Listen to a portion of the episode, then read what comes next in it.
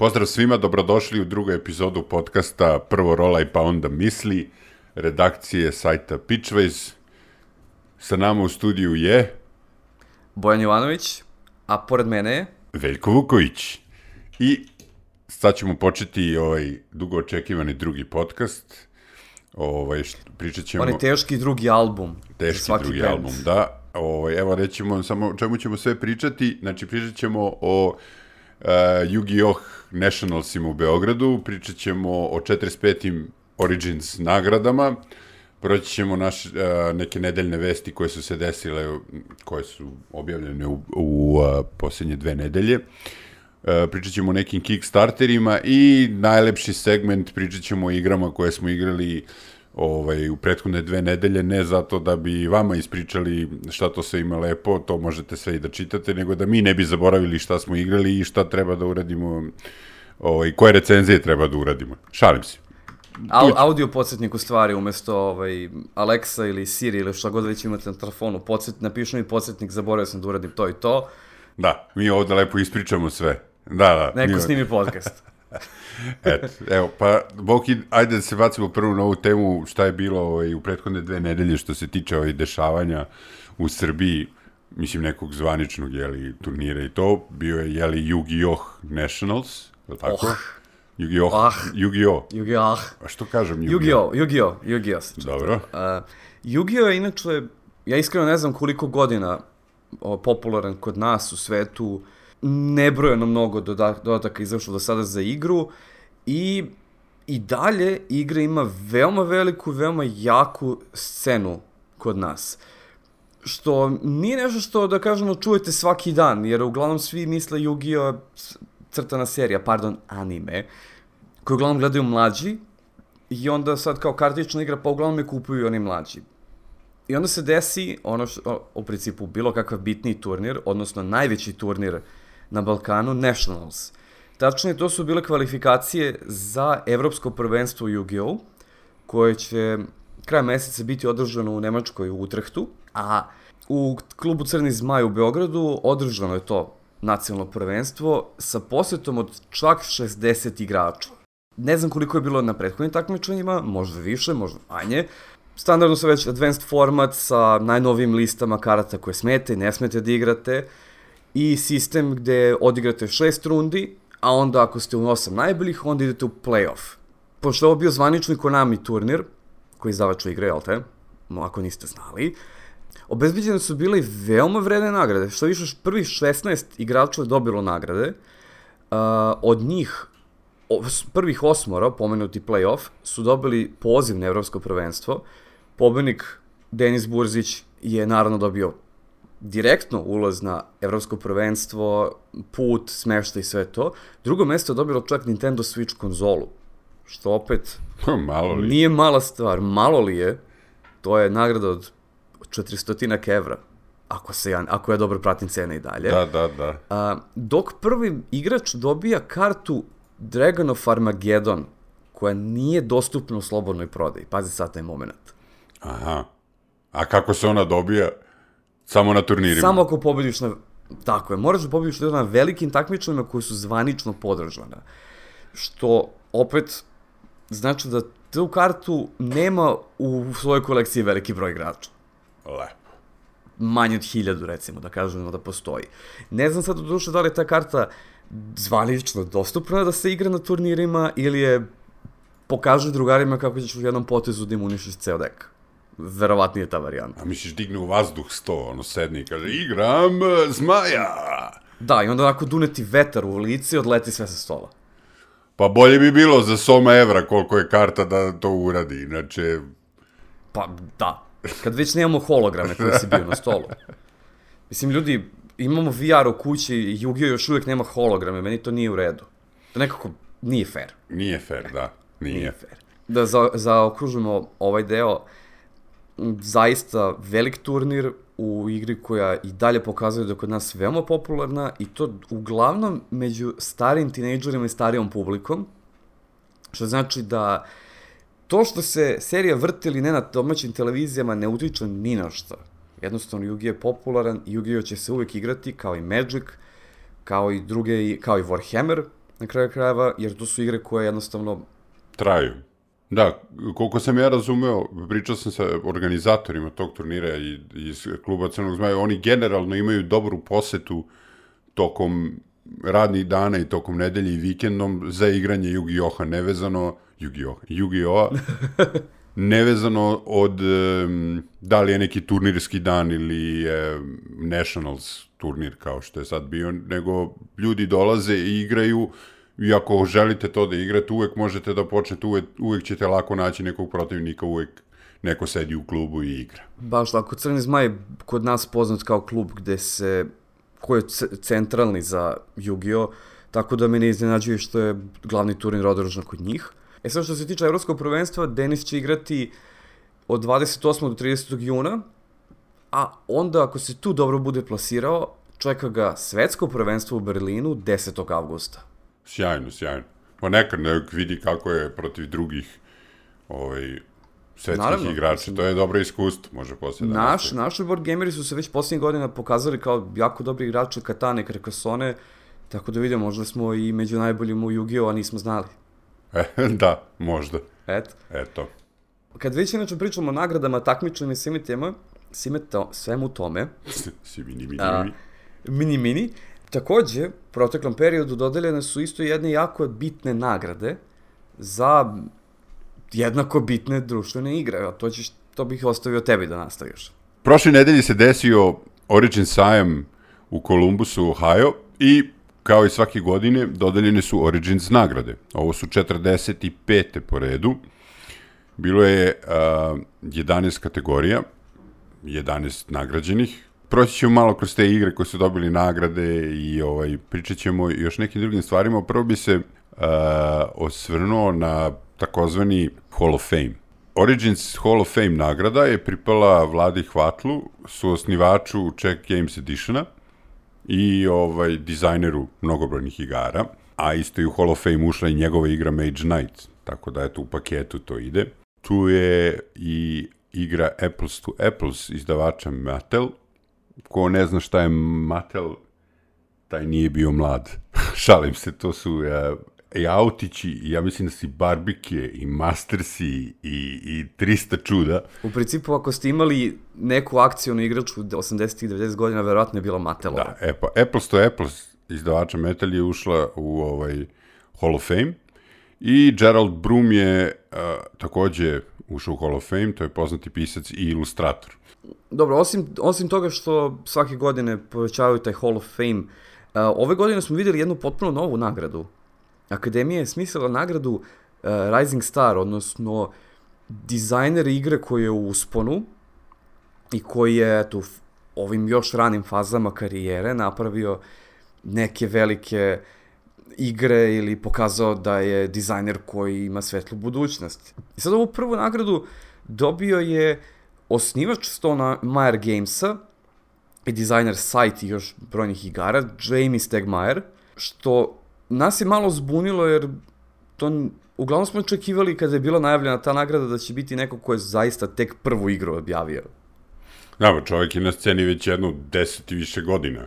Sigurno. Mislim, uh, jeste da ne, je u žižu javnosti dospeo sa uh, sajtom, poslednjom igrom Stone Meyer Gamesa koji je izašao na Kickstarter i kad se pretvorio jeli, u ozbiljniju kompaniju, ali Rising Star po tome znači da treba neko da radi 10-15 godina u hobi industriji da bi bio primećen ili priznat od strane nekih akademija, tako da ne znam zašto je baš njemu pripala nagrada.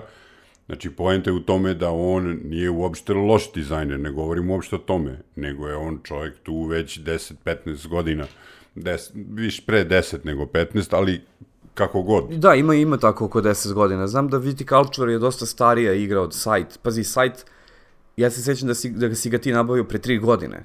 A tad je već bio dosta, ne baš sve, najsvežlija igra na svetu. Uh, Sight je poslednja igra koju je Stone Meyer Games izdala putem Kickstartera i onda, se, onda su se prekonfigurisali u normalnu kompaniju koja više ne radi, znači etablirali su se sa imenom, ne moraju više da rade Kickstartere, znači ako on misli da se etablirao sa imenom tada, ne vidim zašto sada Akademija misli da je on kao zvezda u usponu.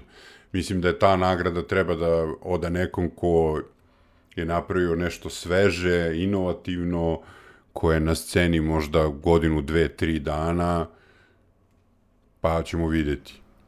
Pa verovatno ćemo sledeće godine čuti da je Rob Davio dobio nagradu, jer Jer već nikoga ne 15 godina pravi Legacy igre.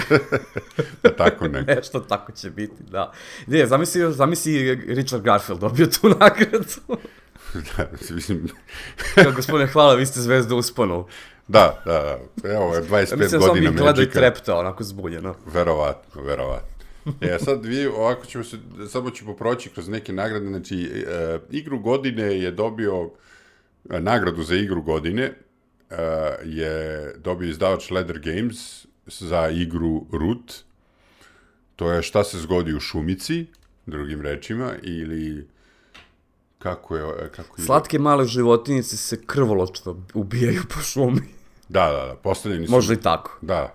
Mislim, uh, naivno igra izgleda kao Eurogame ovaj, o životinjama koje tako skupljaju stvari za zimu. Dobro, sad malo lupam, ali ovo je jedna ozbiljna Izgleda kao krvoločna... porodična igra. Da. Igra izgleda kao porodična igra, pre svega dok ne krene. Ovo je jedna ozbiljna strateška krvoločna igra skupljanja resursa u šumici. Da se, da se tako izrazim. Ajde, tako da kažemo. Da, je I- dobio dve nagrade i to su za igru godine i društvenu igru godine. Da, znači, I apsolutni to je favorit. stvarno zasluženo. Da. Da, da apsolutni favorit je i publike i, i, i svih kritičara, jer je igra koja uporno uzima sve nagrade. Tu je, e, nakon toga sledi kartična igra godine, gde smo svi, kad, kad smo pregledali ko je ovaj nominovan, sve... znali smo da će Da, uzdahnuli smo i dobro, uzet će taj The Mind. Mm, Da. podeljena su mišljenja. Mi nismo imali prilike još da ga odigramo, to je sramota. Ali po tome što čitamo, podeljeni su tabori da je to stvarno super ili šta je ovde specijalno ili šta je bre ovo. Tako je. Ja sam više drugu tu varijantu slušao. Znam nekoliko ljudi koji su ga igrali i svi su bili, da, dobra je igra, lepa ideja, ali ovo nije igra godine. Jer to je kooperativna igra u kojoj slažete karte i ćutite. I... Ja, moj lični stav u društvenim igrama je da ne volim, ne preferiram igre u kojima je ćutanje jedno od e, elemenata igre, jer ovaj, ja kad sednem da igram sa tobom, sa Damjanom, sa Dankom, sa Finsterom, sa Vladom, želim da se prepucavam. Volim da razmenjujem o, prijateljske uvrede, jel, kao i kad smo na basket terenu. Znači, ne vidim, nekako mi ne prija to da sad ćutimo i sem pantomime, da se razumem. Mislim, to je... Da, da, ali e, mislim pantomima i, i jedna jedina igra mi je isto koja ima ćutanje kao mehaniku. jel to koje mi je bilo, Maze? Ok, Magic Maze, jest. To je igra koja stvarno, dok je ne probate, delo vam da je bez veze, jer zašto bih ja čutao u brzoj kooperativnoj igri, ali onda shvatite zbog toga što ne možete ništa da govorite, da kipite i I onako igra traje par minuta i onda posle toga eksplodirate za stolom. Da, Svi. da, da, da. Znaš, a da Mind nema to, Mind je kao puštajuće iskustvo je i ti se sediš sa drugom osobom pored tebe, vi sad ćutite i gledate se i Dobro. Ne, nemam bolji komentar na to. A šta ne možeš reći o, o, o T-Dragon Society card game koja je dobila nagradu za porodičnu igru godine? Mislim, sve čajanke su uvek dobre, to moram da kažem, Dobro, ali bolje su one kad ima zmaja. naravno. Jer, mislim, princeze su makar out. i u nas, i makar i u nazivu. Da. A, simpatično mi je samo što taj redosled nagrada koju smo dobili kao ovaj, od, od Originsa uh, ide sa slatke životinice koje se kolju u šumi na igru koju će utite, pa na onda porodičnu igru i onda dođu vampiri. Da. Znači, RPG proizvod godine je Vampire the Masquerade peta edicija, Bez konkurencije, realno. bez konkurencije, mislim, ima konkurencije, ali veliki hype je oko toga i oko nekih tradi, tragičnih pisanija u okviru same igre i njenih ekspanzija i dosta se i pisalo o tom samom naslovu, tako da je i to ponelo ovaj, jeli, ljude koji su glasali, ali od, to je veliko ime koje se pojavilo prošle godine, bilo je dosta tu drugih e, dobrih RPG-ova, to možete da čitate u rankovoj sekciji na našem sajtu pitchoice.net, vidjet ćete, ima tu dosta dobrih nezavisnih RPG-ova, ali ovo je jedno ime koje je došlo prošle godine i reklo promenio sam se, obukao sam se drugačije i evo me Vampire the Masquerade peta edicija. RPG dodatak godine je Dungeons and Dragons Tom of Foes, Mordenkainen's Tom of Foes. Inače smo ovo snimili iz jednog petog tejka. Da, da. To je i ime i knjiga koja se ponavlja kroz e, već nekoliko edicija i uvek je dobra, tako da zasluženo je to dobilo. Nagrada za najbolju igru sa minijaturama je podeljena uh, između dva naslova. Jedan je Necromunda, izdavača Games Workshop, a druga je Star Wars Legion uh, od strane Fantasy Flight Games. Star Wars Legion koji već par godina za redom ozbiljno grabi publiku i okuplja ljubitelje minijatura i skupljanja malih čikica. Uh, u ostalom, to je, mislim, već tri godine za redom je FFG na svojim štandovima po sajmovima imao ogromne sekcije posvećene Legionu. Da, e, ono što smo videli na SN, oni uvek iznesu onako velike diorame koje baš padaju u oko. Snimali smo, mislim, dar za fotografisanje.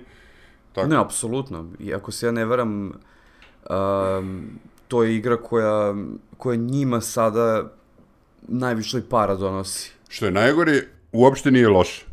Šta god ljudi pričaju, znaš, to je teritorija, to je wargaming sa neke strane, minijaturama. Tu je Warhammer, tu je Bolt Action, tu je Star Wars Legion, uh, svi žele svoje parče kolače. Sad, uh, koliko sam razumeo, Bolt Action se uh, bazira na starim pravilima Warhammera koji ljudi više vole nego ova nova Warhammer pravila, tako da ako im tema nije bitna, ljudi sve više igraju taj bolt action.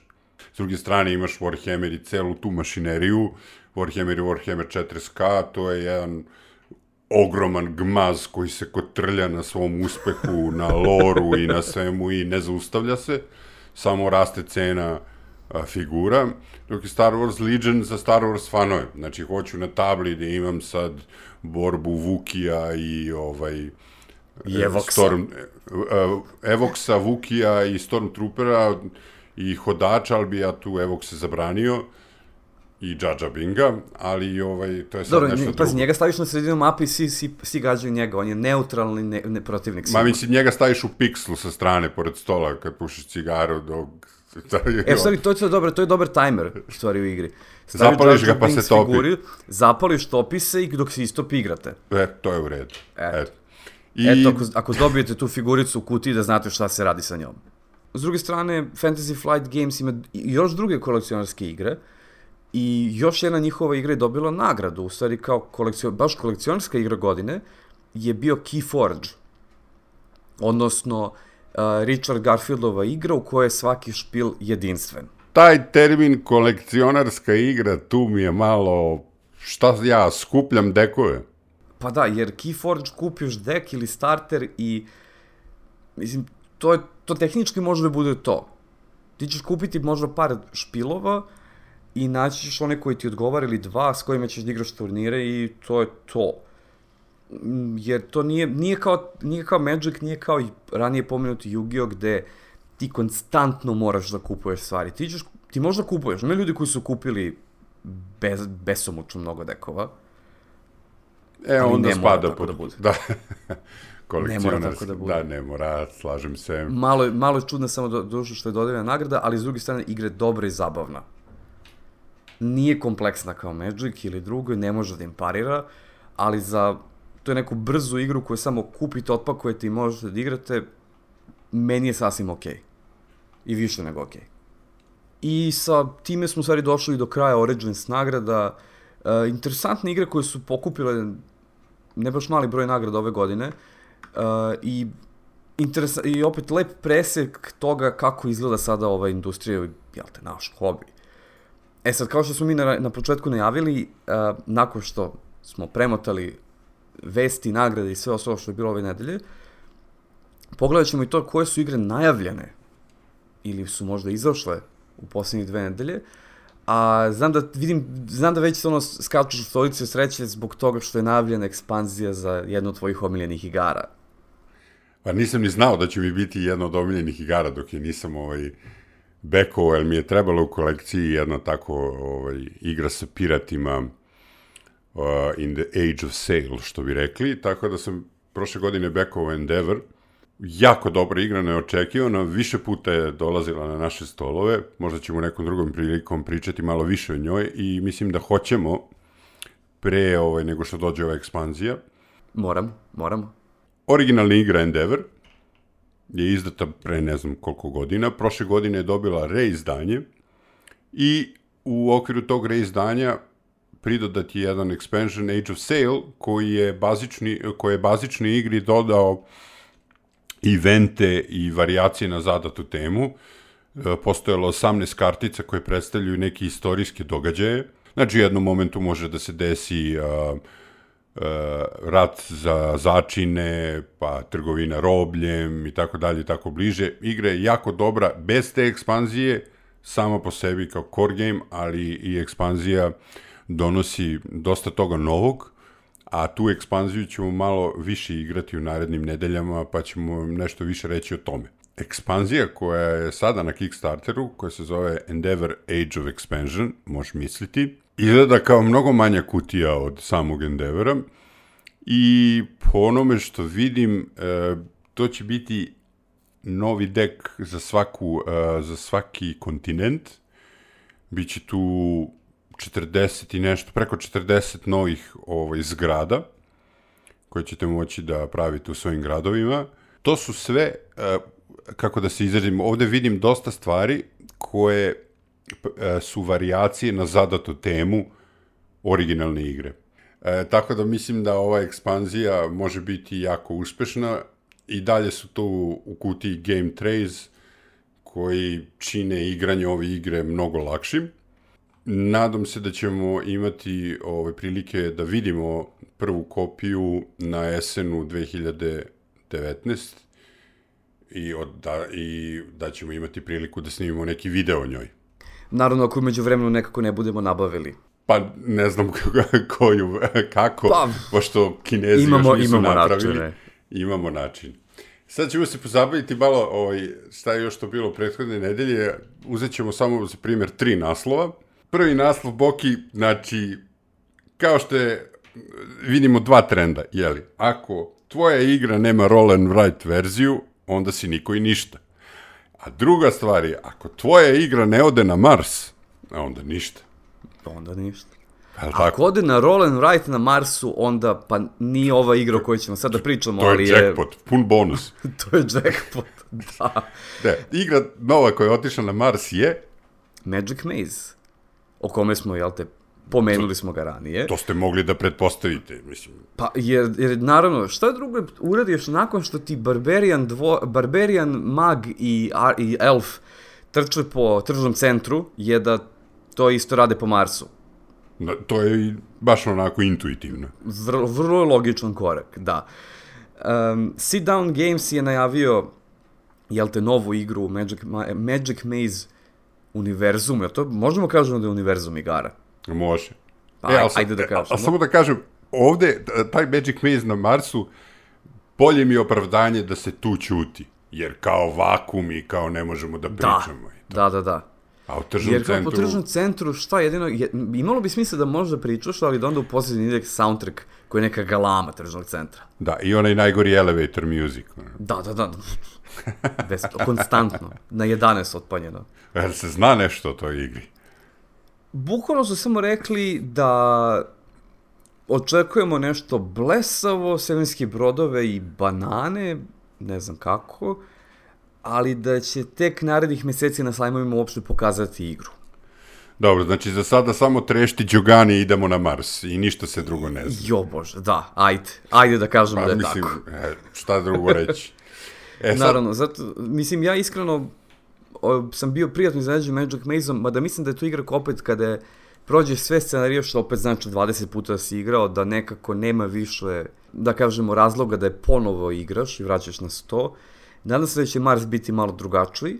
To može da bude mnogo interesantno, može da bude opet prežvakana igra samo sa drugačijim komponentama.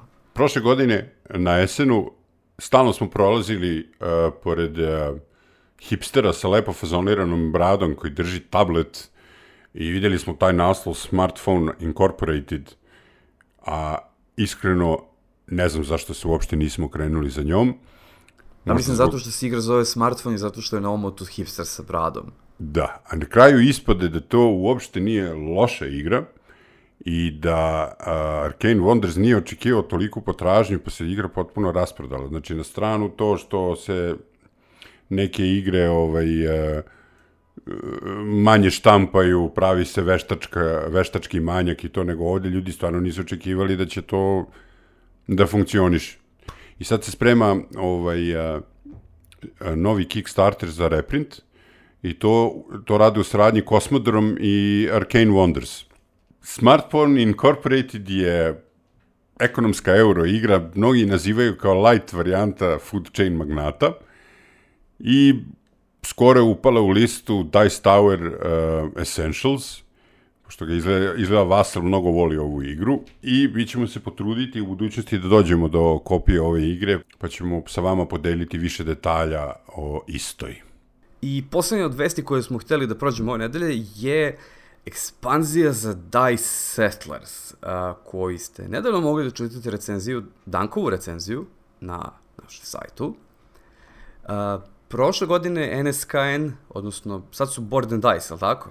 Da, da, Board and e. Dice i NSKN su se ujedinili. Da, u, u jednu ovaj, mnogo veću kompaniju. Uh, oni su prošle godine na esenu lansirali Dice Settlers, koji je do kraja sajma bio razgrabljen, ako se ja dobro sećam. Uh, I između ostalo zato što kad vidite kutiju znate, aha, crtao je Mičo artwork, da, ne stavlja čovjek svoje ime tek na bilo šta. U svakom slučaju, ovu godinu se vraćaju na jesen, ali će imati ekspanziju koja se zove Western Sea.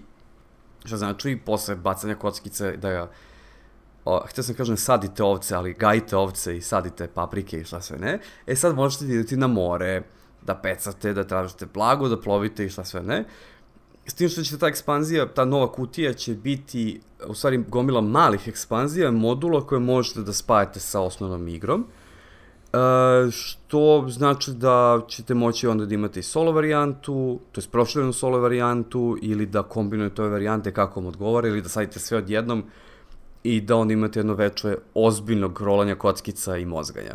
NSK inače nije najavio uh, kada ćemo videti igru, što pripostavljamo da će to biti kasnije na Genconu ili da će možda postati neku odvojenu vest, ali s obzirom da je Dice Settlers bio već popularan i da je bio kvalitetan, ne očekujemo ništa manje i od ekspanzije, zar ne? Pa, vidjet ćemo, Danko će da presudi. Da. Tako da. A, da, da, presudit će Danko, presudit će i naše igranje. A, kad pomenemo igranje, da na kraju krenemo i sa poslednjim vama omiljenim delom ove se emisije, serije, podcasta. Ja se nadam da je to da. omiljeni deo. Kada pričamo o onome šta smo se igrali protekle dve nedelje, Tako je. A šta si ti to lepo igrao? Nešto što ti je... Znači, Veljko je poslednjih mesec dana kao kuću je stavio ispred, ispred vrata svog stana i čekao poštara svaki dan. A poštar donosi samo račune. Samo račune. Ali da. na kraju je došla jedna velika lepa kutija. Tako je, dono je Escape Plan, Kickstarter od prošle godine Eagle Griffon Gamesa. To je najnoviji naslov uh, dizajnera Vitala Laserde i ovaj, uh, ilustratora Jena Tula. I sad, svi su s nestrpljenjem očekivali uh, ovaj naslov zbog toga što je Lacerda malo promenio tematiku. Sad se bavi kriminalom, što bi rekli. Ovo, tema da, igre... To je logično, znaš, krene sa vođenja galerije preko izgradnje Lisabona do kriminala, mislim, to tako ide. Da, a prvo vino. A prvo, prvo vino, vino, da. da. Ali ovaj, suština je, prvo i osnovno da kažemo za igru je da je novac u igri sasvim korektan, za razliku od onog novca u Lisabonu koji je ono, rešenje koji je sad čudno. Da, čudno rešenje. Znači sve igre su stvarno dobre, ali tu je ozbiljno onako da se zapitaš kako ste došli na ideju da pravite spojeni novac. Ali nema veze. Escape plan tema je pljačka, odnosno šta se dešava posle pljačke, to je igra za do pet igrača, gde smo mi svi zajedno pre početka igre opljačkali banku i onda novac uložili u koje kakve biznise, u noćni klub, u bar, u teretanu, da, da, u teretanu, uh, u, uh, sakrili pare u ovaj, lokerima, što bi rekli, u poštanskim pretincima i tako. Pretinci. I sad, poštanski pretinac, Seriously? tako je. Dobro, ajde. Jeste. E, Mislim da ih mi o- tako ne zovemo, mislim da ih zovemo sanduče, ali ajde. Poštansko Možda sanduč. jeste. Ne, poštanski fah, ne, to je druga neka stvar. E, to je, adre, to je uh, broj. Da. I sad igra počinje, mi smo svi u bolnici iz nekog razloga i imamo, uh, pošto je kao milicija došla do nevrovatnog otkrića ko je to uradio i sad nas traže. Mi imamo tri dana da pokupimo lovu iz svih tih biznisa gde smo investirali, pa da pokupimo lovu iz svih tih ovaj, sandučića gde smo ih sakrili, iz dušeka, što smo pozajmili i tako dalje, tako bliže i u roku tri dana moramo da pobegnemo iz grada. Svakog dana se jedan od izlaza iz grada zatvara i policija sužava krug oko nas. Posle trećeg dana ostaje samo jedan izlaz, ko je pobego, pobego, ko nije pobego, uhapšenje, logično. Sad, igra je u stilu Laserde kompleksna, ali nije teška. Mislim da se brže objašnjava nego ostale njegove igre. I prvi utisak posle tog objašnjavanja, ha, to je to. I onda kreneš da igraš i onda te udari laserda u glavu. U smislu, pa ja nemam dovoljno poteza da uzmem svu lovu i da zapalim iz grada. Uh, sjajne mehanike i u njegovom stilu mogu samo jednu stvar da uradim, znači jedna jedina stvar koju vi radite je pomerate se sa heksagonalnog polja grada na drugo heksagonalno polje grada gde se nalaze neki od biznisa, prodavnice i tako dalje i tako bliže i u tim, na tim lokacijama radite to što radite. Ne znam, ako je uh, biznis lokacija kao recimo noćni klub, uzmete lovu i uzmete neke kontakte, ako je prodavnica, kupite opremu koja vam treba za izbjegavanje policije ili otključate neko sanduče i opet uzmete lovu ili odete u sigurnu kuću i odatle uzmete lovu, svuda uzimate lovu i neke dodatne um, dodatne aparate koji će vam pomoći da jeli, pobegnete od milicije. Sve u svemu jako dobra igra. Uh, ovo je jedina Laserdina igra za koju ja znam gde može da se ispadne iz igre pre kraja. To sam inače upravo htio da te pitam, I- izvini, a, šta se, je to kao, svi bežite iz grada, šta se na kraju desi Svi sa onim bežimo, ko ne znači- pobegne? Da. Prvo, prvo i osnovno je, imaš tri rane i biju te panduri od kojih bežiš i šta ti ja znam. Ako te dovoljno puta navataju, dobijaš lisice. Ako dobiješ dovoljan broj lisica, ti si automatski ispao iz igre. Ako, tako, ako toliko ludo igraš, mm. možeš da ispadneš i pre kraja ta tri dana. Ali, ono što, što je važno, kada prođu ta tri dana, treba da se zapali. Naravno. Znači, svi, trud, svi se trude da u poslednjem krugu dođu do tog izlaza. Dođeš do izlaza i svi koji su izašli, prebroji se koliko para imaju i ko ima najviše para je, pobeg, e, je pobedio. Mm -hmm. Ali ako ne pobegneš iz grada, ti si automatski izgubio. Što će reći da mogu i svi da izgube, a može i jedan da izgubi da mu se uopšte ne broji lova, što se i meni desilo ili u prvoj partiji. I onda, mislim, to nije toliko strašno koliko da ispadneš iz igre ono, prvih pola sata igranja i kao ništa ne radiš posle. Što je redko, što je redko, ali moguće. Mislim, stvarno treba da onda ne pratiš pravila ili uopšte da ne shvataš ozbiljno pretnju koju su policajci na tim heksovima da bi ti se tako nešto desilo. Jasno, jasno. Tako da ne računamo da je igra na ispadanje, ali je moguće. Mm -hmm. I sad, zanimljivi su rezultati. Ja sam u prvoj partiji uh, nisam uspeo da pobegnem, a u drugoj partiji sam uspeo da pobegnem, ali sam malo para. Znači, u prvoj partiji da nisam pobegao sam imao mnogo više para, zašto sam bio alav, ali nisam pobegao. A u drugoj partiji sam pobegao, ja sam se jeli, uplašio da neću izaći, pa sam na vreme izašao, ali nisam stigao da pokupim dovoljno love. Sve u svemu, ovo je jedna igra koja će često dolaziti na naše stolove, pogotovo zato što smo je nekoliko puta tek igrali, ali kao Laserda, poznajući Laserda i na ostale igre, vraćat ćemo se njoj često. A šta si ti igrao, Boki? meni je inače posjetilo moment kad si rekao nemam dovoljno akcija, na, a, mislim nije me posjetilo, nego još jedna takva igra za koju je baš poznato, poznato nemaš dovoljno akcija, Above and Below. Mhm. Odnosno, a, gradimo naše malo selo u Galiji i idemo ispod zemlje i lomatamo se po pećinama. Aha. Samo da kažemo da je to dizajn radio Ryan Lukat i da je... On je uradio celu igru sam. To je Da, da, kao i e, obično. Lukat je, ja, ja ne znam, to je, to je ono uber genije izgleda. Čovek kompletno dizajnira svoje igre sam, piše ih, e, crta sve ilustracije i sam ih izdaje, jel tako? Da, to je izdeje za njegovu izdavačku kuću. To... One man show potpuni. One man show. U svakom slučaju, uh, igrao sam, imao sam priliku to da probam. Igra mi se jako svidela. U suštini, uh, vi imate par ljudi u svom selu koji su vam i radnici. I na svojoj tabli imate nekoliko akcija koje su da izgradite nešto, da uzmete parice, da skupljate namirnice, što kasnije ću objasniti ko je fora sa njima, i da idete u avanturu.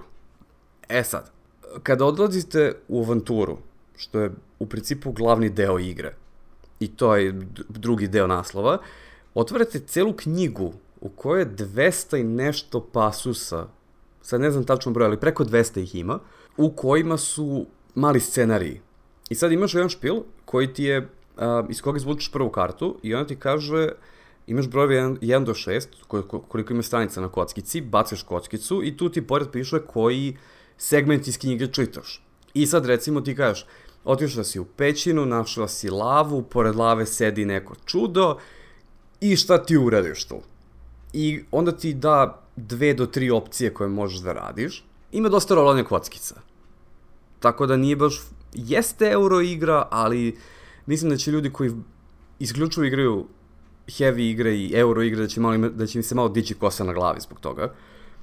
Jer svaki vaš lik ima naznačeno ko je, ko, e, koliko uspeha, odnosno koliko fenjera dobiješ kad izrolaš određeni broj ili veći na njegovoj kockici. I onda želiš da, po, da vremenom povećaš svoje selo, da bi onda izrolao više uspeha, jer ako ne znam, imaš situaciju kad ti kaže a, da li ćeš da siđeš u mračnu rupu i da se biješ sa nečim i to ti treba recimo 7 ili 8 komada. Što znači da moraš gomilu ljudi koji ti inače bi ti gradili kuće ili radili nešto drugo po selu, moraš da ih povedeš u avanturu, ali ti ne znaš šta će biti. Tako da ima taj moment malo kockanja i igranja na sreću. E sad, fora u tome što ti gradiš i gornji i donji deo svog sela. Gornji je standardno kućice koje imaš na jednom delu table, a na drugom delu, o, to je pored table, imaš kućice koje možeš da gradiš samo ispod zemlje, ali moraš prvo da iskopaš toliko, ovaj, to jest da nađeš, da otvoriš toliko ovih karata pozemnih, da bi na njih gradio pozemne kuće. Aha. I sad te to, bukvalno igra jedna, jedna stvar vuče drugu.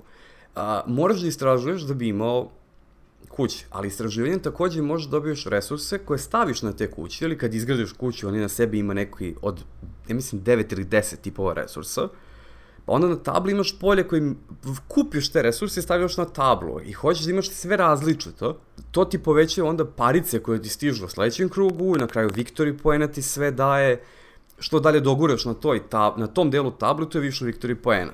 Neke kuće isto daju Victory poene, s, to jest sve daju, sva, svaka daje po jedan, ali neke još dodatno daju poene, imaš neke jako skupe koje ti daju bonuse na druge stvari, ko, sve povezano jedno sa drugim. Meni se mnogo svidao moment kad potrošiš radnike, ne možeš sve tek tako da ih vratiš nazad Aha. da rade, nego se oni umore. E sada, e, izgradnjom kućica, neke od njih imaju dodatne krevete. I sad koliko kreveta ti imaš, toliko ljudi će ti se biti, će ti biti odmorno za sledeći dan. A, lepo, lepo. I ko je pobednik?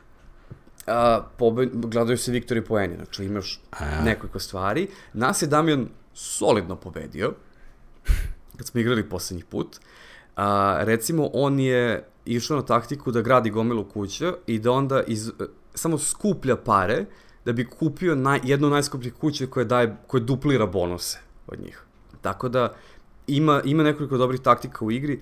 Ono što sam htio da kažem isto, zašto sam sorry, odmah se ovaj, pove, povezao na Veljkovu priču o escape planu, opet, kao i escape planu, nemaš dovoljno vremena da uradiš sve. S tim što ovde smo mi malo više imali osjećaj da nekako se igra prerano završi i da tek kad postane zanimljivo, tek kad imaš dosta ljudi i kada si počeo da kopaš po knjizi, da se samo prekine igra. Jer on ima fiksan broj krugova i to je to. Pa dobro, to te možda privlači da igraš ponovo, pa drugačiji Da, ili već. da, da. Ima to i prednosti i mane. Naravno, čuo sam od ljudi koji su prolazili pored nas kad smo igrali, a, neko ima, neko je napravio house rule da prođu jednom do kraja te staze, koja je broj krugova, onda idu nazad.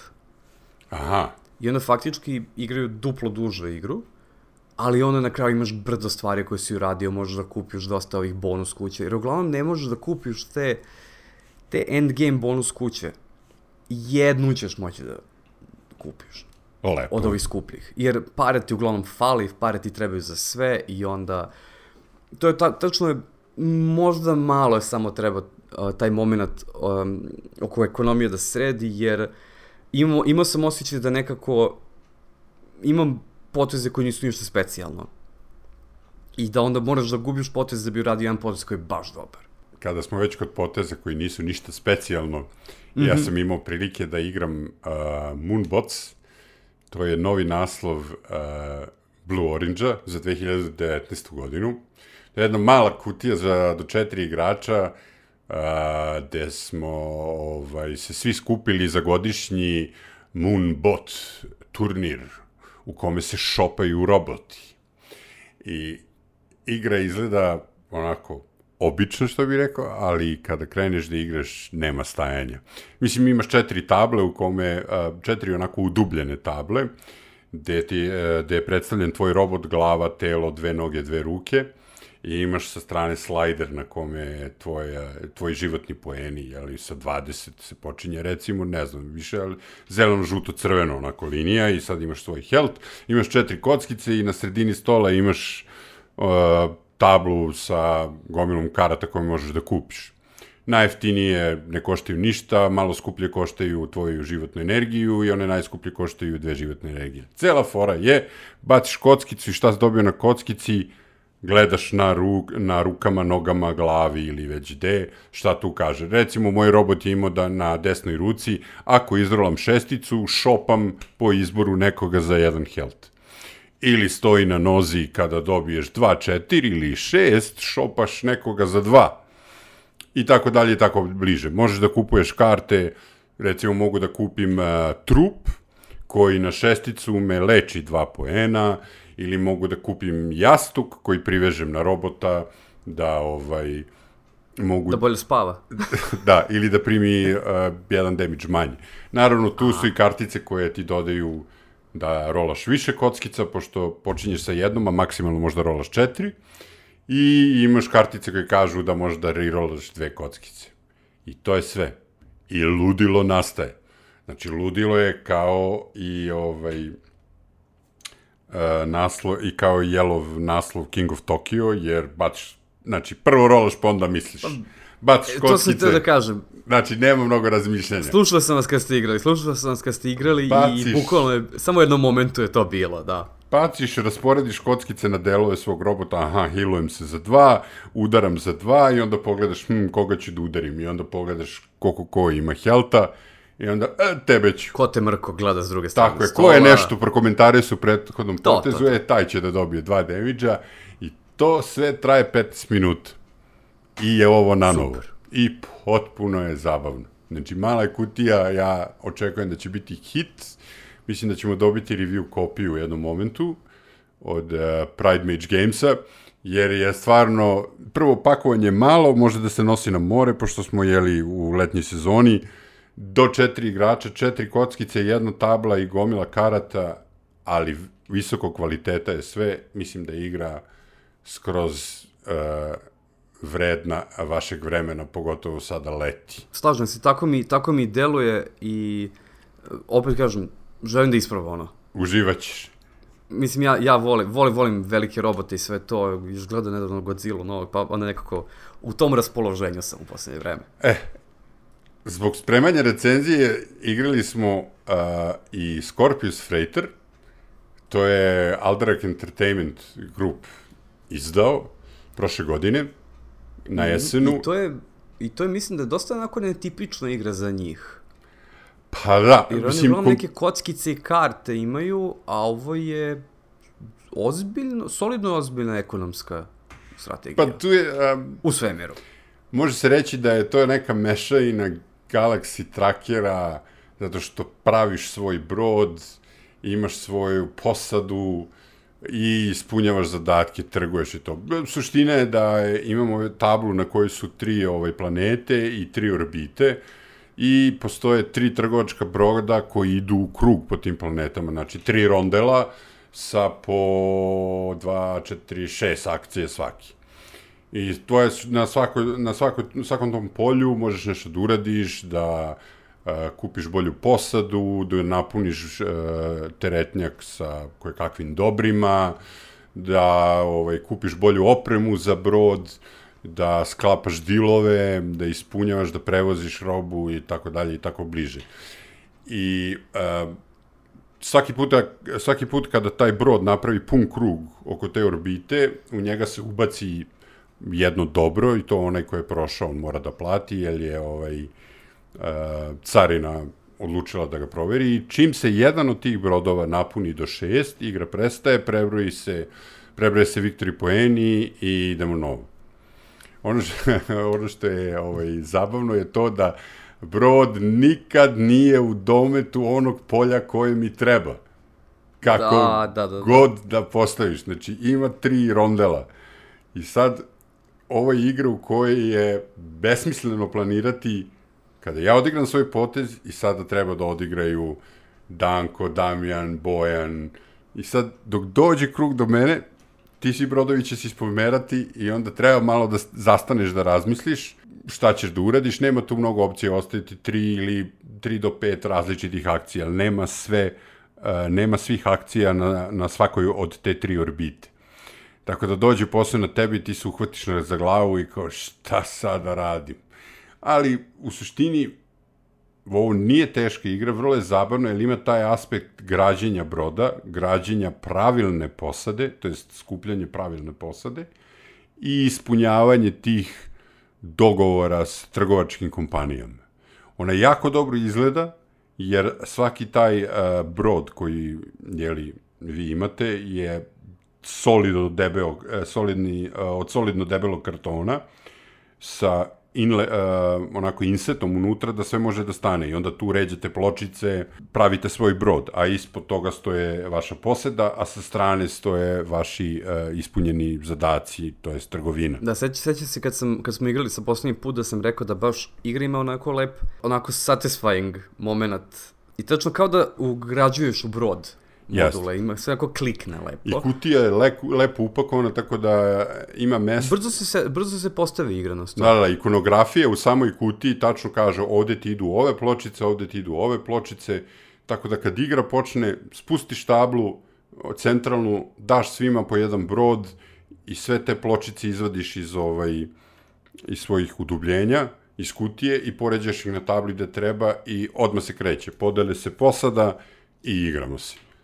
Ne, ovo nije ništa spektakularno, ali je daleko od prosečne igre. Tako da to što je tu negde 7,5 na Board Game Geeku je sasvim okej. Okay. Dobro, to nije uopšte mala ocena. Da, da, a ta, ta kompleksnost što stoji kao 2,4, uh, kompleksno se svodi na, uh, kompleksnost dolazi do izraže u kombinacijama koje možete da radite sa vašom posadom, da svaki član vaše posade ima neku specijalnu moć i sa poljima, to jest delovima vašeg broda koji mogu da rade nešto specijalno. I tako kada praviš te komboje, tu dolazi do izražaja kompleksnost. U svakom slučaju preporučujemo igru, a više o njoj čitate u narednim nedeljama kada ćemo uraditi recenziju. I još jednu igru smo igrali, koja je bilo onako malo neobično iskustvo. To je igra koju ste sigurno viđali ste na našem sajtu više puta. U ostalom, ti si se veliko slikao sa dizajnerom, sa, sa generalom. Aha, da. da, da, da. To je e, minijaturna, abstraktna verzija drugog svjetskog rata, odnosno mini World War II, koju je napravila kompanija iz Tajvana. Da, to je izdao, uh, izdala Formosa Force Games, a dizajner je Wei Cheng Cheng. I ovo igra u stvari koju smo mi već više puta smo igrali. Mi igramo već par meseci, ali nikako nismo došli do toga da pričamo o njoj, jer je jedno od najčudnijih iskustava koje sam ja imao u ovom hobiju za podosta godina.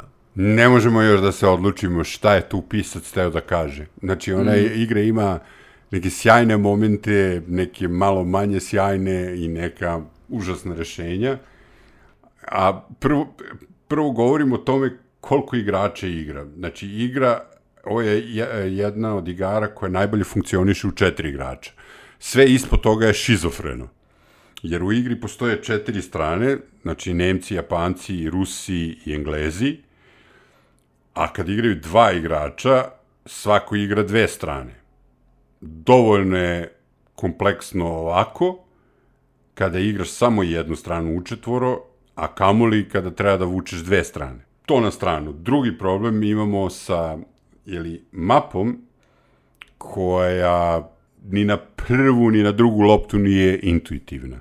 Znači imamo dva, tri kruga država koje su, jeli, ako su kocka, kockaste, odnosno ako je kockasto polje, to je kontinental, kontinentalni tip, ako je heksagon, onda je zemlja sa izlazom na more, a ako je okrugla, onda je ostrvo ili zemlja sa potpunom izlazom na more. To inače sve lepo funkcioniše ovako kad vam pričamo, a onda dođeš do momenta kada a, brodovi počnu da, da preskaču kopna. Da, i po pravilima možeš da prevezeš ili brod preko tenka na a, ovaj zemljenu teritoriju, to jest na kontinentalnu zemlju, što je da. jako čudno. A opet ima super rešenja koje su se meni jako svidela e, iz uh, Twilight Struggle, to je da igra se, jeli, to je kartična igra, da igrate akcije, svaka karta ima nekoliko mogućih akcija, može da predstavlja istraživanje nove tehnologije, može da bude uh, određen broj poena koje trošite za vaše specijalne operacije, a ako je karta vaše boje, odnosno vaše sile u drugom svetskom ratu, onda ima najjaču neku moć. To je jako dobro rešenje, mogu se baciti bombe ili ti da jeli, baciš bombu na protivničkog igrača, on mora da izbaci kartu iz ruke, tako dalje, tako bliže. To sa kartama je jako dobro, a onda... A onda preglednost a onda i logika svega. Da. Mislim, koliko sam čitao na, na samoj kutiji, to je uh, izdavačka kuća koja se dugo bavi ratnim igrama i jedina je na tavanu koja se bavi time imaju da li ovaj, tromesečne, e, na tri meseca izdaju magazin koji se bave ratnim igrama. I od ovoga sam očekivao da bude pristupačna verzija, znači pristupačna mala ratna igra tu do 90 minuta, ajde može za četiri igrača, ali nekako sve to još skripi. Ne znam da li je to onaj tip igrača da što duži igram, na kraju se i naviknem na ta čudna rešenja i pravila, jednostavno ti uđu u, u glavu, a, a ovako za sada ne mere baš da bude dobro. Znam, znam, znam. Zato sam mi rekao da igra o kojoj smo hteli da pričamo više puta, jer s obzirom smo napravili video o njoj gde nam je sam dizajner objašnjavao kako otprilike u, u okvirno kako se igra igra. Ali sa druge strane nekako nismo ni jednom momentu osjećali da smo dovoljno razumeli igru i da nam je dovoljno kliknulo da možemo da pričamo o njoj lepo, jer sama mapa, već kad je pogledaš, to je ta gomila kvadrata, troglova, krugova i ostalih geometrijskih oblika, da. E, nije uvek pregledna. neke teritorije se graničile sa drugima, ali se to predstavljeno time što u ćošku imaju malu ikonu, malu, malu zastavicu te zemlje s kojom se graničile, ali nisu jedna pored druge i onda uh, onda kao, ne, ne možeš da shvatiš kao kako to sad ide jedno s drugim. Mislim, to na pravoj mapi sveta jeste, ali o, ovo je, ide u krug. A, a onda neke, a, prosto mi neke frakcije nemaju smisla. Rusi imaju, na primjer, brdo tenkova i jedan brod. I taj brod ne može da mrdne iz Ukrajine. A Nemci imaju solidno, imaju čak par brodova, na primjer, ali bez ekspanzije koju smo mi dobili, koja je bukvalno jedna kva, kvadratni karton koji stavite na sredinu table i dodaje četiri teritorije, uglavnom skandinavske zemlje i sve, oni nemaju isto kuda da izađu, oni su tu, oni plove, kod svoje baze i eto, to je to. Druge, druge strane, uzmeš uh, saveznike, odnosno Britance, Amerikance, koji, i Japanci, koji ono, su pored njih odmah i koji se bio sa njima najviše, koji na sve strane idu brodovima, uh, i, i, i prosto dobiješ jednu igru što si ti jako lepo rekao, šizofrena je. Da, da, da, da. Prvi put smo igrali u dva igrača i može da postane jako min igra. Kada obe frakcije imaju, recimo, imaju bombardere i namerno gađaju jednog te istog čoveka, jednu te istu frakciju, samo izbio karte iz ruke, na kraju čovjek ima jednu kartu do kraja kruga i ne može ništa da uradi. Ono što je meni predstavljalo problem je to da uh, ta pravila koja imaju određeni nivo intuitivnosti koji nije visok, je da sad od svih tih segmenta igre mehanika ne, svako dobro ukapira neki drugi segment. Sad recimo meni je uh, supply, chain, supply chain bio logičan odmah od početka i onda sam super pomerao jedinice, dok je recimo Toši, našem drugaru, bilo logično kako se napada, I sad vidiš u jednom momentu Toša kaže, evo ja ću da napadnem iz donjeg levog ugla mape u gornji desni ugao mape. I sad smo svi, i sad se svi pitamo, pa dobro Toša kako to? I on nam pokaže kako to. Mi proverimo pravila i to jeste to. Mm. I, iako to nema ni, znači, iako ja u prethodnom potezu se spremam, aha, on može da me napadne ovde, može da dođe z boka ovde, može ovo da uradi, može da ovo, ono uradi i onda se on pojavi i rastori mi neku zemlju gde uopšte nisam imao predstavu da može da mi priđe, a može, jer je on ukapirao pravila, mislim, taj segment pravila. Da, da. I onda svi kao, pa dobro, jeste. Znam, imali smo takvih momenta svaki put kad smo igrali. Uh, I poslednja stvar koja da, mi je samo da kažem, bila... Samo da kažem, Aha. nije to Nije to do toga je sad kao glup si nisi ukapirao pravila. Ovo je, uh, s obzirom da je tajvanski igra, to je drugačiji tok misli pri dizajniranju igre. I ne pomaže ni malo igri to što su engleska verzija, uh, engleska verzija pravila nisu baš sjajno napisane. Pogotovo i prelom i primeri i to je loš engleski.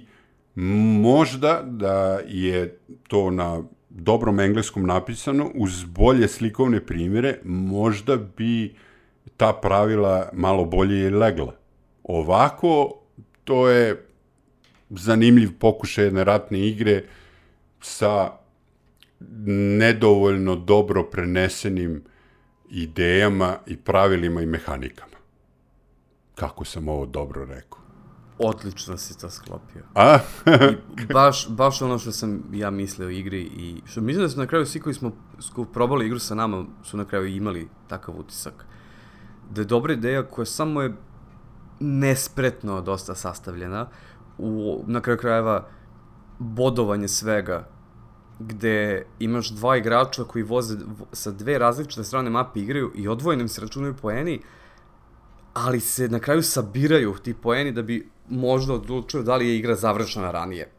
Po, poeni frakcija se, svakome, svakome naš četvoricu se računali odvojeno. A onda sabiraš, to jest ti i Damjan ste bili u timu, vas dvojica ste sabirali svoje poene da vidite da li ste vi pobedili. I onda mi nekako nema poenta što ide do milijardu poena.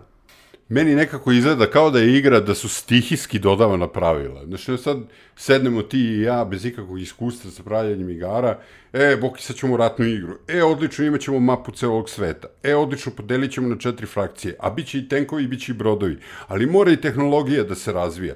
Dobro, ali šta ćemo sa ovim silama sa strane? A, i oni će da uđu u nekom krugu, zavisno od toga da li ih napadamo ili ne.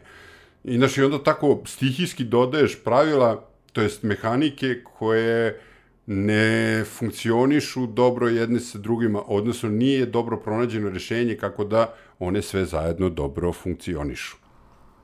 Da, I, igra inače nije komplikovana, nije naporna, čak brzo se završi, ali nekako taj tok cele stvari je, ima dosta štucanja i zapinjanja, sapletanja, tako da tek posle nekoliko igranja smo mi mogli da odigramo jednu partiju gde otprilike smo svi znali šta treba da radimo, ali opet je sve, deluje kao da, kao da to što si ti rekao, da su oni dodavali, dodavali, dodavali, dodavali i onda rekli, e, okay, cool, sad, izba, sad ćemo da štampamo ovo. I ovo štampa, što ljudi igru, proda, prodavali su NSN-u, sad dalje šta će biti, ja nemam pojma sa njima. Eto, toliko, o, toliko u ovom drugom izdanju podcasta Prvo rola i pa onda misli. Uh, čitajte i dalje pitches.net, pratite nas na YouTube-u, Instagramu, svim socijalnim mrežama, Twitteru, šta god već. Sa vama je bio Bojan Jovanović i Veljko Vuković. I vidjet ćemo se za dve nedelje sa novim vestima, novim temama i novim igrama koje smo igrali. Ostavite nam komentar šta ste vi igrali, ako imate komentar na neku od igara koje smo mi igrali, a volili bi da čujemo vaše mišljenje, jer Što to ne? mišljenja su različita, nama se nešto svidi, vama se nešto svidi, pa razmenjujemo mišljenja. Tako je. A do sledećih slušanja nastavite da rolate. Rolajte!